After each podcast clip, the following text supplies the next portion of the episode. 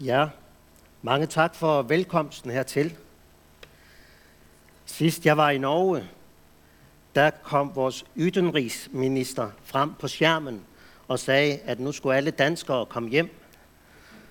Der var jeg på mødes i Frøland, og øh, der begyndte corona, kan man så sige. Ja. Men hvor er det godt, at man nu alligevel kan være sammen igen. 2020 gik jo så der ret så hurtigt med en masse aflysninger. For et års tid siden var der så en forsamling i øh, Danmark, som erkendte, vi har aflyst for meget i 2020. Så de lagde den strategi. Ingen aflysninger i 2021. Hvordan kunne de bestemme sig for det? Jo, uanset restriktioner, så skal vi samles. Om det så skal være fem og fem i private hjem. Vi aflyser ikke i 2021. Den indstillingen var jeg egentlig vældig glad for. Og øh, skrev det også til Martin, jeg er glad for, at vi gennemfører her, og også selvom en del må følge med på streaming. Ingen aflysning af nytårslejre. vi gennemfører. Det synes jeg, det er fint. Fordi det er jo dette ord, vi skal leve af. Og det er det ord, vi skal dø på. Øhm, jeg har fået oplevet emnet, den profetiske tale i øh, den profetiske tale til vækkelse, til tro og tjeneste. Og øh, siden sidste år, der er det blevet sådan, at jeg om nogle få måneder skal på en vinterlejr i Danmark, hvor at emnet er sat op med Jesajas bog.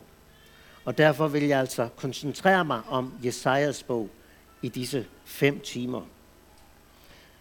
Nu vil vi begynde med at bede sammen endnu en gang.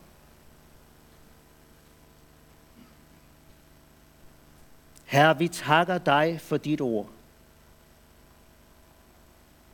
Det trøster mig i min elendighed.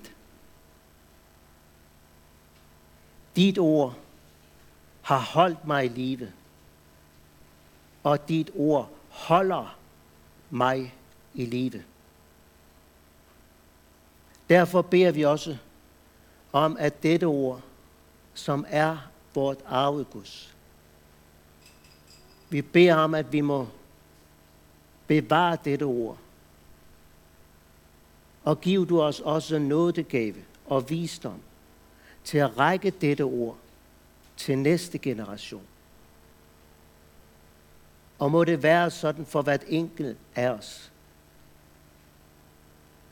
at vi i vores grav må have den ros.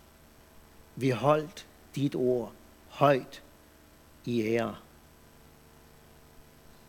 Vil du nu åbne dette ord for os?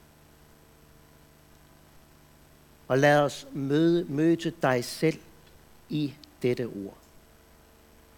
Amen. Jesajas bog. Når du skal øh, have en fornemmelse af, hvad en bog handler om, så er der en nøgle, der er god at kende. Og det er at stille de her spørgsmål. Tre spørgsmål. Hvor begynder bogen? Hvilke store dele skaber strukturen i bogen? Og hvor ender bogen? Det gælder også for der er unge, som kantiserer med fagbøger på skolen. Det er lige at blive fortrolig med en bog der er det godt at gøre så disse overvejelser. Men også med de bibelske bøger. Og øh, Jesajas bog begynder jo i kapitel 1. I vers 2 siger han sådan. Hør der himler, og lyt til, du jord. For Herren taler. Barn har jeg opfødt og fostret men de har sat sig op mod mig. Der begynder Jesajas med noget så uhørt, at der er barn, der har sat sig op imod Herren, deres skaber, deres forløser. Og ikke blot i det ytre, men også i hjertet. Vers 5. Hvert hjerte er svagt. På dansk har vi ordet, hvert hjerte er sygt. Hjerterne er blevet svage, syge. De kommer for at se Guds ansigt, møder vi også i dette kapitel, vers 12. Når der kommer for at vise der for mit åsyn. Det gør de. De kommer for Herrens åsyn. Men samtidig så er det et folk, der vandrer i synd, i onde gerninger. De tilbeder Gud, men uden hjertets fortrolige omgang, fortrolige fællesskab med ham. Hjerterne er syge.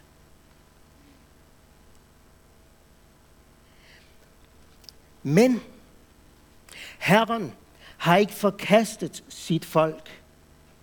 Og det er jo kanskje det mest overraskende, når vi hører i vers 18. Kom og lad os gå i rette med hverandre, siger Herren. Om deres sønder er som purpur, skal de blive hvide som snø. Om de er røde som skarland, skal de blive som den hvide uld. Sådan begynder Jesajas bog. Med dette kom. Til et folk, der har forladt ham. Kommer han og siger, kom.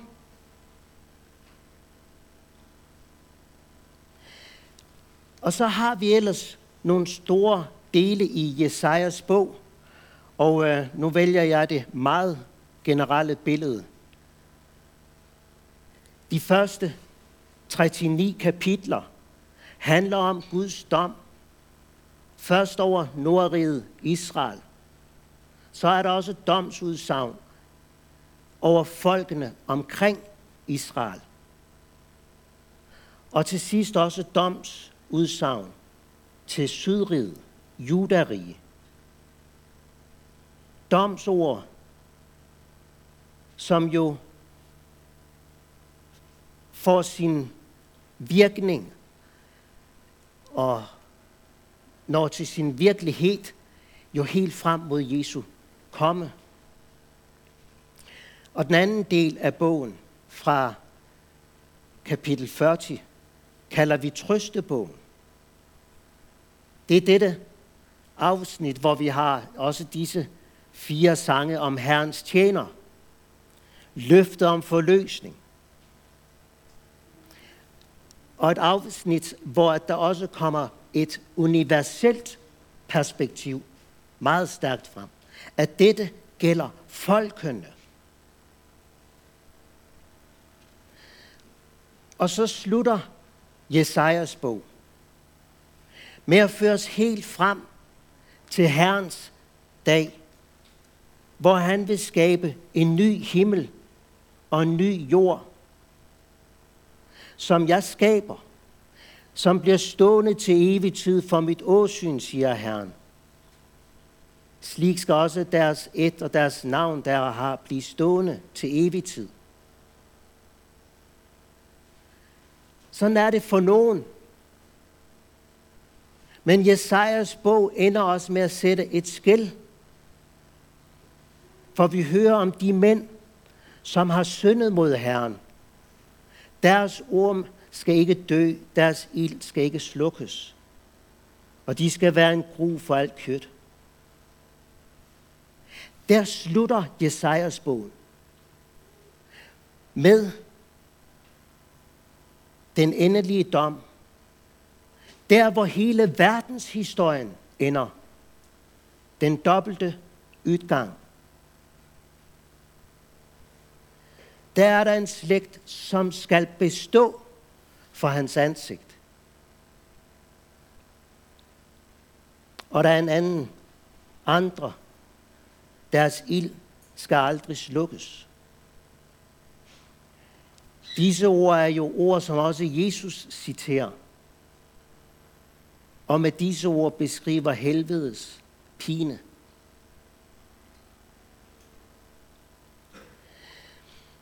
Rammen om den her bog, der hvor den begynder, og de store linjer, og der hvor den ender, rammen viser os, at så længe himmel og jord står, så er der altid håb for fremtiden. For endnu er det nådetid. Endnu kan mennesker omvende sig til Gud. Og derfor går vi tilbage til kapitel 1, vers 18. Kom, siger Herren, og lad os gå i rette med hverandre. Om deres sønder er som purpur, skal de blive hvide som snø. Om de er røde som skarlagen, skal de blive som den hvide uld. Hvor er det forunderligt, at den tone skal slås an fra begyndelsen. Kom. Det er sigtet med denne bog. Det er der, Jesajas vil føre dig hen.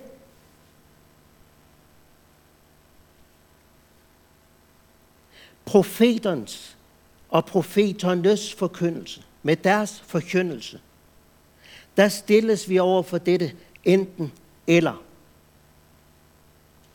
Over for velsignelsens vej, eller over for forbandelsens vej.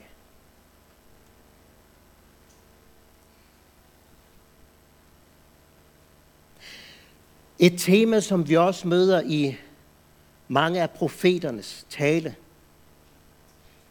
Og også et gennemgående tema her hos Jesajas.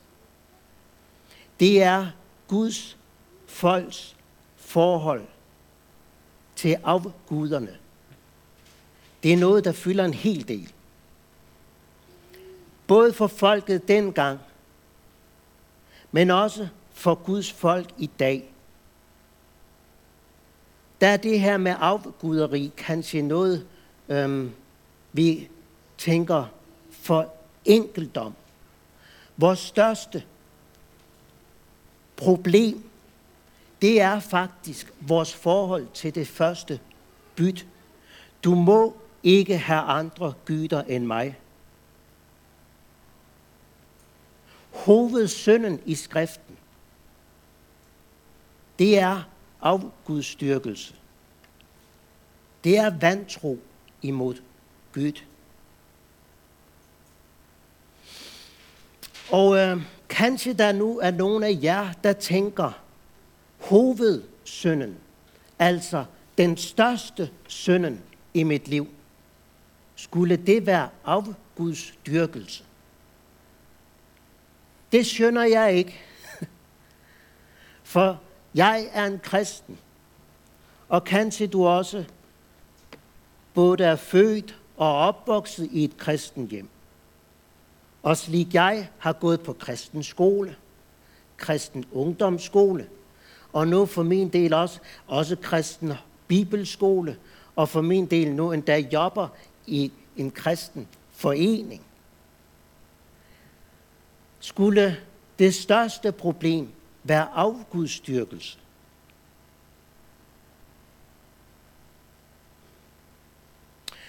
Ser du, der er der noget, du mangler, når du vurderer en række forskellige andre sønder, sammenholdt med det første bud. Der, hvor du regner disse andre sønder som værre end det første bud, der er der noget, du mangler. Sagen er nemlig den, at syndens alvor, hvad enten det er det ene, eller det andet, eller det tredje, vi kan nævne. Syndens alvor afhænger ikke, hvad det er, du gør. Men hvem du gør det imod. Det skal jeg prøve at forklare, for det er meget vigtigt for mig, at du får den erkendelse, at det afgørende er ikke, hvad jeg gør, men hvem jeg gør det imod. Og jeg skal prøve at forklare det med en sætning. Er det synd at sige, nu gider jeg ikke at høre mere på dig. Nu er jeg usikker på, om ordet gider, det er sådan godt dansk. Blødt D-ord. Gider. Øh, det, der ligger i det, det er, nu vil jeg ikke høre mere på dig. Den der, det vil jeg ikke. Er det synd at sige det? Jamen, det kommer jo an på situationen. Hvis to gutter tager hjem og leger med hverandre fra skole, og øh, den ene gut, han skal hele tiden bestemme over den anden. Han skal bestemme, hvad de skal lege, og han skal bestemme, hvordan den anden skal lege. Og hele tiden, så får han ved, nej, det må du ikke, og lad være med det. Til sidst så siger den anden gut, nu vil jeg ikke høre mere på dig. Der vil jeg sige, det synes jeg er fair nok. De er jo jævnbyrdige. Og der har den ene jo ikke mere at skulle have sagt over den anden. Leken er slut. Han tager hjem, og nu kommer forældrene hjem. Og øh, i løbet af aftenen, så har mor sagt til denne gut, at du skal rydde op oppe på dit rum. Og det har mor kanskje sagt en gang og to gange. Ja, kanskje tre gange. Og hvis gutten nu siger til mor, til mamma, nu vil jeg ikke høre mere på dig, så har vi et problem. Øhm, for det siger en gut ikke til sin mor. Mor står jo over gutten. Så der, der er der noget usundt. Det er samme sætning. Men der er en forskel på, om man står der over for en jævnbyrdig lekekammerat, eller man står over for sine forældre. Et andet eksempel. Hvis jeg på vej tilbage til færgen på lørdag ned til Larvik bliver stanset af politiet. Og de siger til mig, ja, du kørte så for stærkt på den lille strækning, hvor vi havde fartkontrol. Så kan jeg jo sige til politiet, jeg holder altid færdselsloven. Jeg kører aldrig for stærkt, og altid fartpilot på, og sådan. Så vil de sige til mig, vi taler ikke om, hvad du altid gør. Vi taler om den lille strækning, hvor vi havde kontrol. Og der kørte du for stærkt. og hvis jeg prøver en gang til, og til sidst siger til politiet, ved I hvad, nu vil jeg ikke høre mere på jer. Der er jeg usikker på, om jeg når færgen til Danmark. For der kan det godt være, at vi skal hen og have en snak på politistationen. Det er jo kriminelt. Det er jo en tjeneste, man, man står overfor. Vi fører billedet lidt videre. Forestil jer, at i det nye år, der kommer jeres konge, kong Harald, på tur her på egnen. Og han skal også bese denne bibelskole. Og øh, han vil også gerne snakke med nogle af de unge. Og han spørger nogen af ungdommen, hvordan er det at gå på bibelskole? Og han spørger, og han spørger, og han spørger. Og du er kanskje ved at blive øh, træt af, leg af at høre på kong Harald. Så hvis du så siger til ham, kong Harald, nu vil jeg ikke høre mere på dig. Ved du, hvad det er? Det er majestæts fornærmelse. Det må du aldrig gøre. Jeg tror heller ikke, nogen af jer vil overveje den tanke. Majestæts fornærmelse.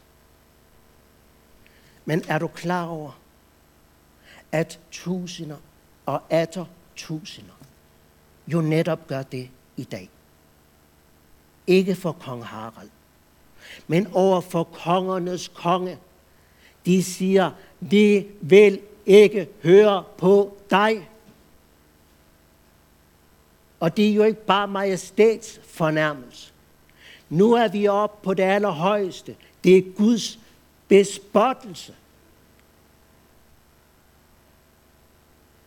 Det afgørende er ikke, om du har gjort det ene, eller det andet, eller det tredje. Det afgørende, det er, hvem du står over for med dit liv. Andre har nok hørt om ham, og har også et ønske om at høre på ham, kongernes konge. Slik derer, som kommer her og lytter til hans tale. Men selv der kan man have et ønske om at lytte på hans tale. Men det får ikke lov at tale ind i dit liv. Du giver ham taleret. Du giver ham ret til at tale ind i dit liv, så længe du synes, det er okay. Det var jo situationen på Jesajas tid. De kom til templet. Kom for at se hans ansigt. Men i livet, der sluttede de fred med synden. De glemte, hvem de står overfor.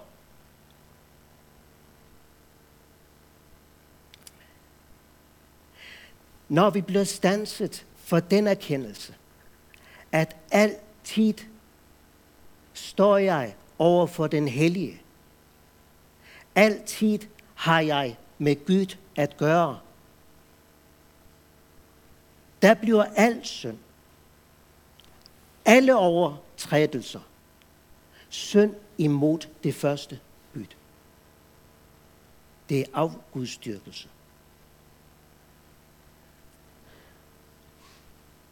Du står til ansvar med dit liv over for ham, som har skabt dig. Himlens og jordens skaber og herre. Han, som er hellig. Hellig. Hellig. Og dette, at du står over for den hellige, det betyder, at du går til grunde i mødet med ham.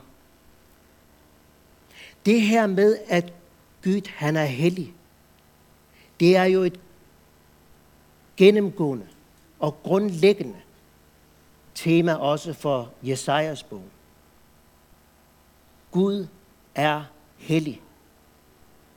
Og der er der nogle gange, vi får forklaret, når Gud er hellig, der tåler han ikke synd. Jeg må sige, jeg har det lidt vanskeligt med det, den forklaring. For jeg synes, Gud, Gud bliver lidt, lidt sart. Han tåler ikke synd.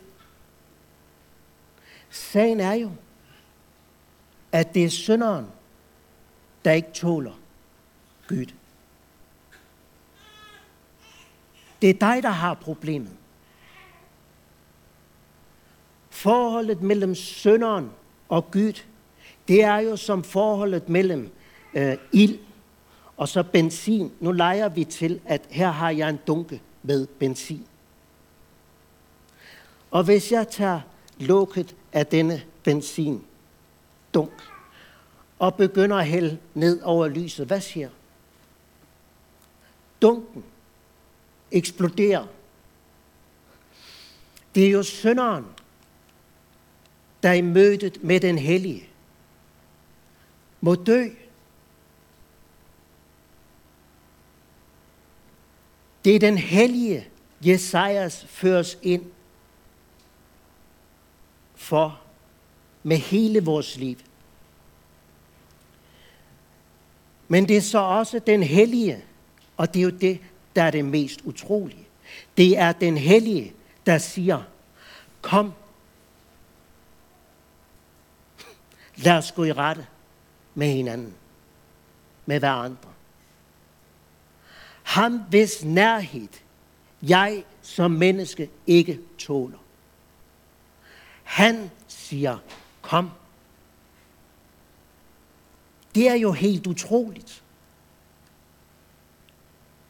Kom, lad os gå i rette med hverandre, siger Herren. Det viser jo Guds dybe, uudgrundelige kærlighed til syndere og til de største Guds foragtere. Han siger kom, og ordet kom er sagt med eftertryk. Kom.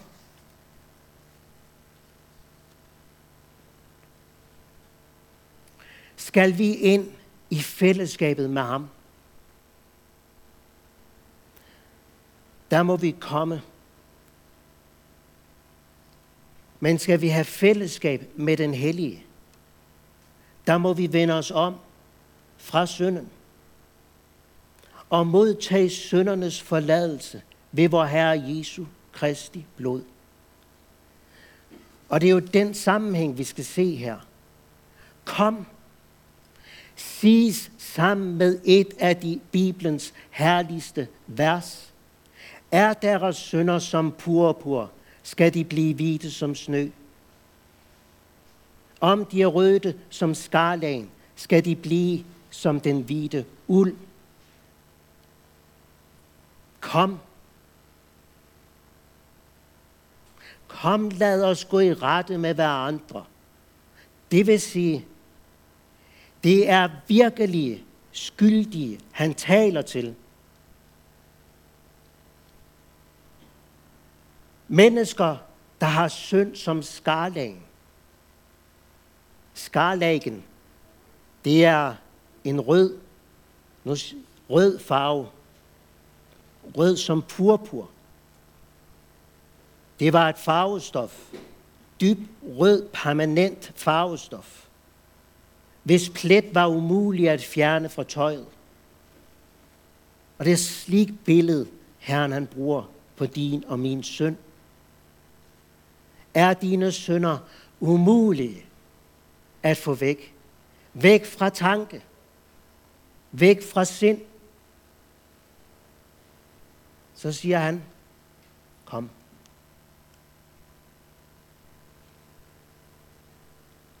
Er der synd i dit liv, som for altid har ødelagt forholdet, også til andre mennesker? Ting, som ikke kan gøres om. Det sidder der som en plet. Det kan ikke fjernes. Der siger han, kom.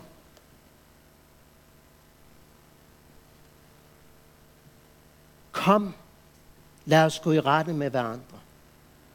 Det betyder, lad os tale med hverandre om det.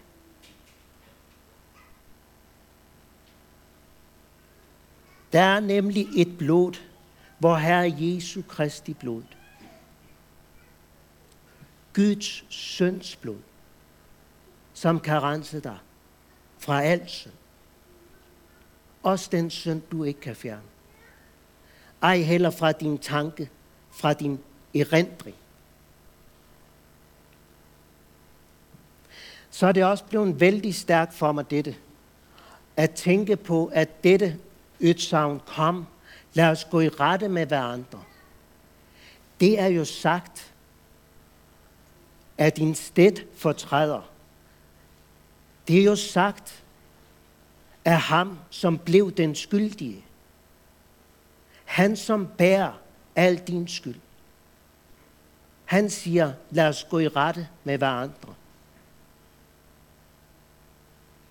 Også som Guds lam kan han sige til os, kom, lad os gå i rette med hverandre.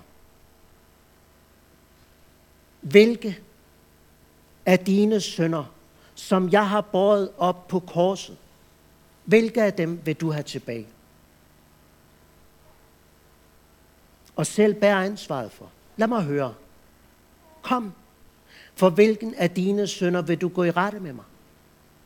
Siger du, nu vender jeg den lidt rundt.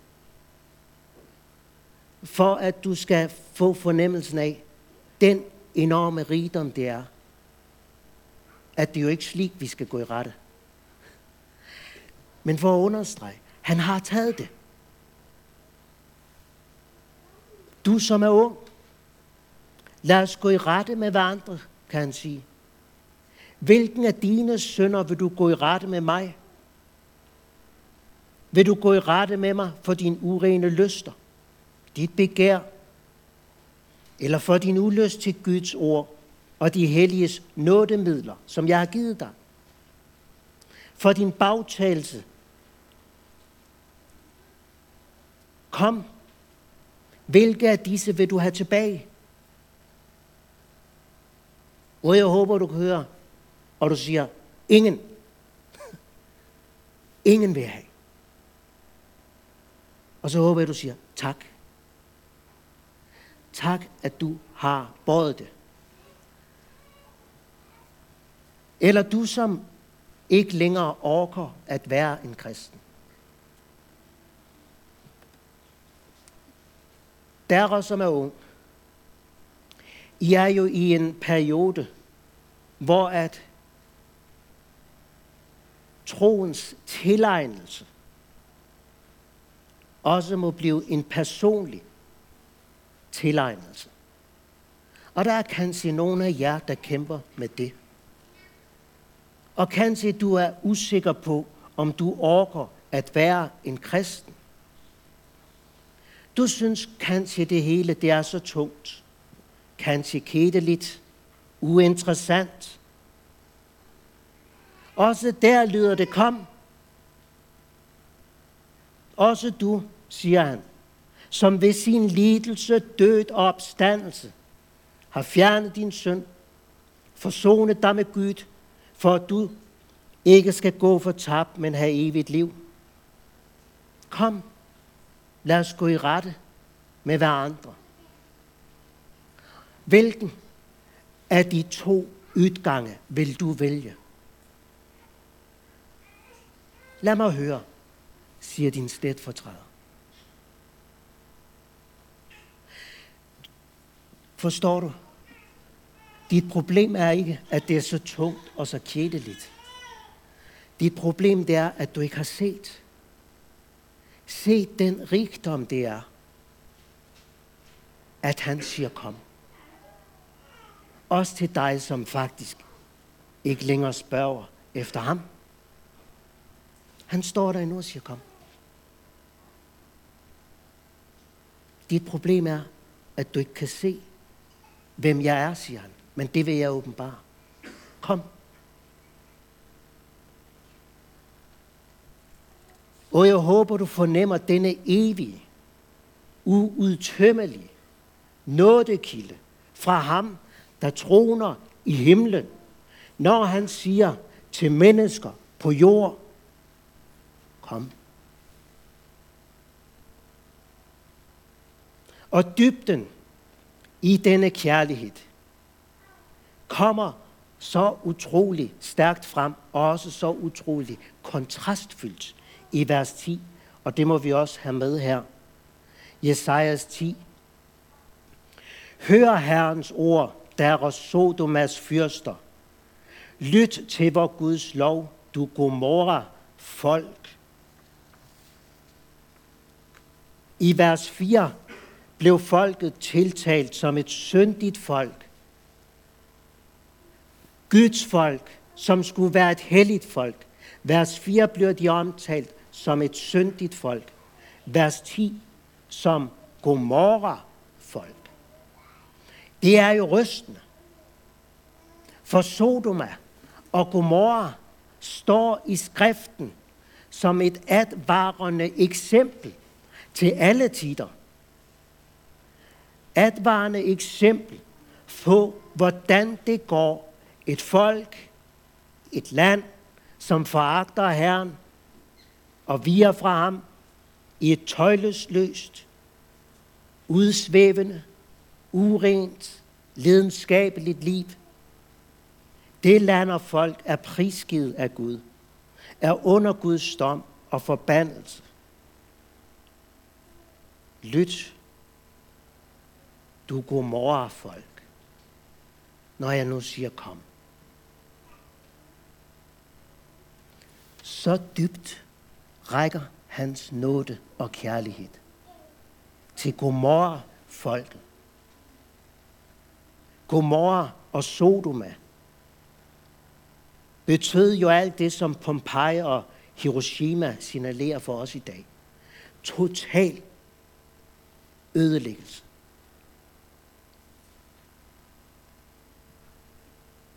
Der synes jeg, det er rystende, at Esajas anvender det for dem, som kommer i Herrens tempel.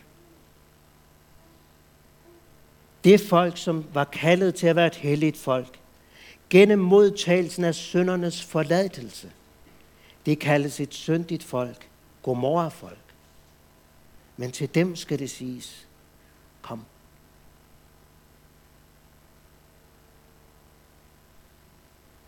Og så synes jeg også, at det er stærkt, at det skal siges også til Sodomas fyrster. Altså dem, der er længst fremme i dette liv i Sodoma og Gomorra. Også der skal det lyde, kom. Og det har jeg lyst til at sige, hvad du sidder her som ung, eller måske som fyrste, med en, der sidder med leder opgaver, også i Guds forsamling, har fået betroet opgaver i forsamlingen og måske i dit eget liv erfare med bitterhed, hvordan ånden fra Sodoma og Gomorra er ved at ødelægge dit liv, hvad enten du er ung eller du er ældre. Der kan ånden fra Sodoma og Gomorra snige sig ind, selv i Guds folk, og ødelægge alt åndeligt liv. Kanskje også familieliv. Ægteskab. Kanskje også tjeneste. Herren Jesus Kristus siger også til dig, kom, lad os gå i rette med hverandre. Også dine sønder kan blive hvide. Hvide som sne. Under det blod, Jesu Guds søns blod, som også renser dig for al synd. Kom, du Sodomas fyrster.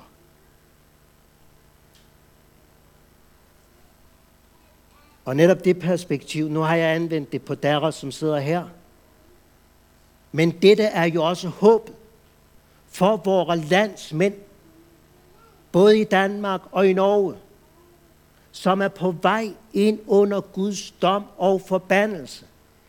I dette moderne Sodoma og Gomorra, vi lever i. Håbet også for vort folk er, kom,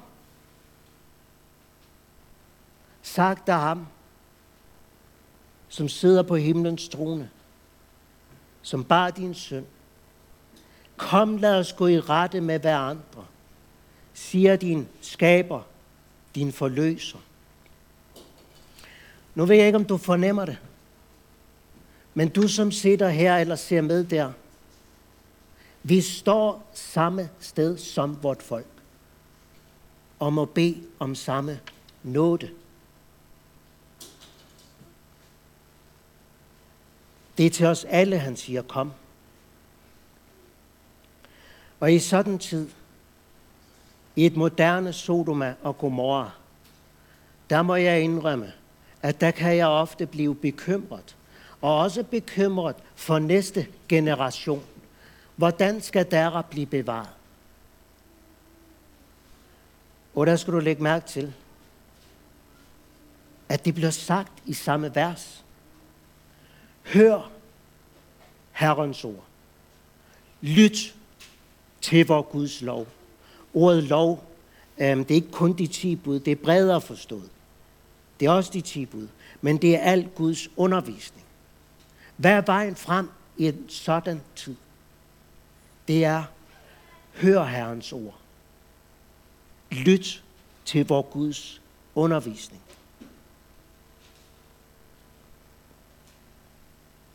Det er et ord, som selv i domstid, forhærdelsestid, leder til ham, der er vor Immanuel.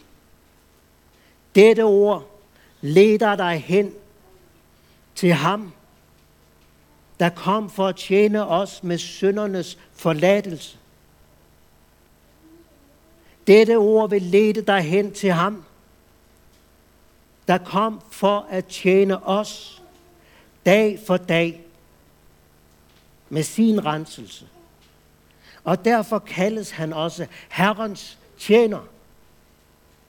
Sendt fra himlens Gud, for at tjene dig med sin nåde, med søndernes forladelse, sådan som vi også møder det senere i denne trøstebog.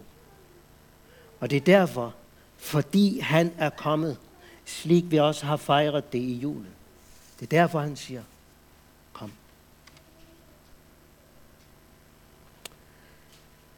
Herre Jesus, vi takker dig for, at så længe himmel og jord står, der er der endnu håb.